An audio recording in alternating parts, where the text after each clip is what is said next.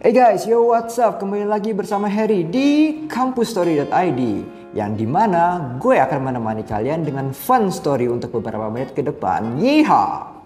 Sebelumnya, apa kabar nih kalian semua? Semoga kalian selalu baik-baik aja ya dan semoga kalian ketiban uang 2 miliar. Amin. Oke okay guys, kali ini gue mau cerita tentang pengalaman unexpected road trip alias jalan-jalan dadakan. Kalian pernah nggak tiba-tiba diajakin keluar sama teman kalian? Sama sepupu kalian mungkin? Atau sama ortu kalian? Gimana rasanya? Pasti kayak mendadak banget kan? Nah itu dia yang gue rasain. Oh ya cerita ini tuh dari tahun 2021 ya, jadi sekolah masih online untuk kalian yang mikir kak, kok lo bisa road trip, kok lo bisa jalan-jalan ya? Karena gue masih sekolah online. Jadi gue banyak waktu senggangnya gitu ya. Jadi ceritanya tuh waktu itu ayah gue baru aja beli mobil. Terus waktu dia pulang ke rumah, dia langsung ajak gue jalan-jalan. Padahal keadaan tuh udah malam ya, sekitar jam tujuan. Katanya sih test drive ya kan.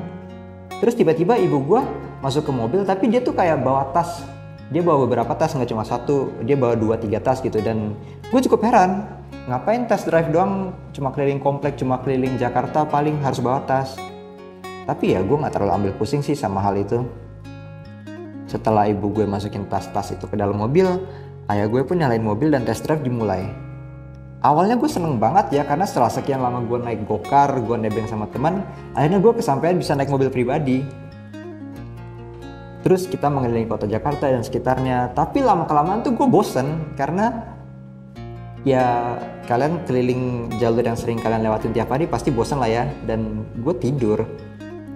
Setelah gue tidur, gua, beberapa lama tuh ya gue tidur. Kayaknya ada sejam dua jam gue tidur. Gue tuh kebangun gara-gara ada cahaya yang terang banget di muka gue. Terus gue bangun kan, gue ngecek keadaan sekitar dan ternyata ayah gue tuh nggak dalam mobil.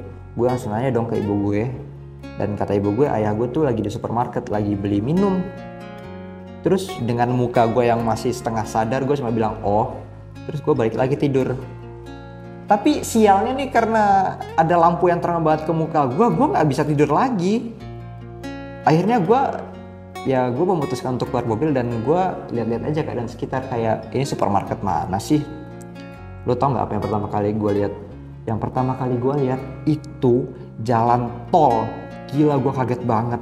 Gue super duper bingung.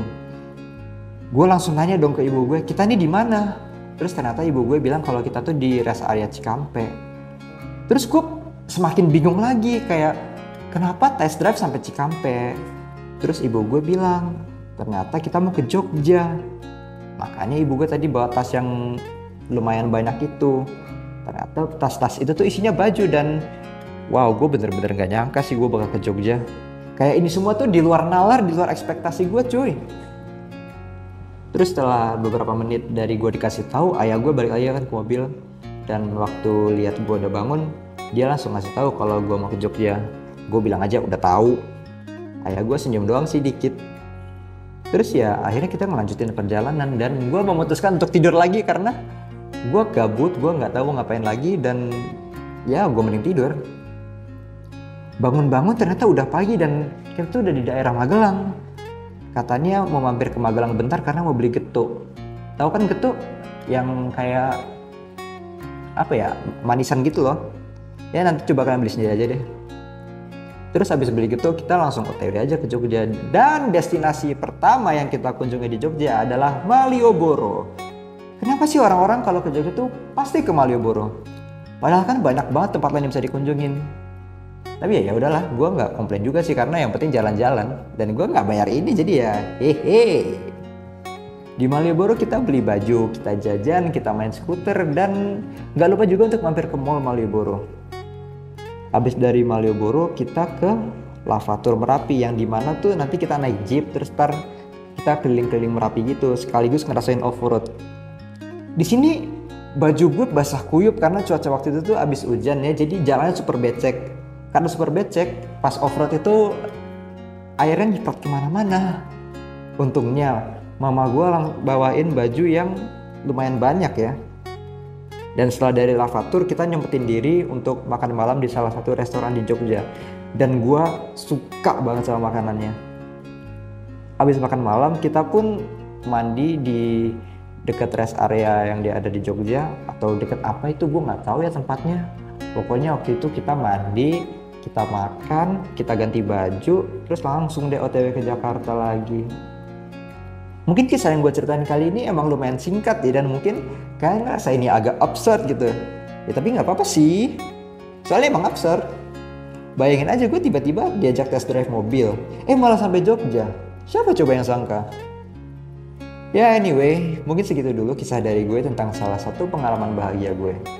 Gue harap kalian suka sama cerita ini dan gue harap ada banyak hal baik yang mengejutkan di hidup kalian. Cukup sekian dari gue Gue Harry dari podcast kampusstory.id pamit dulu guys.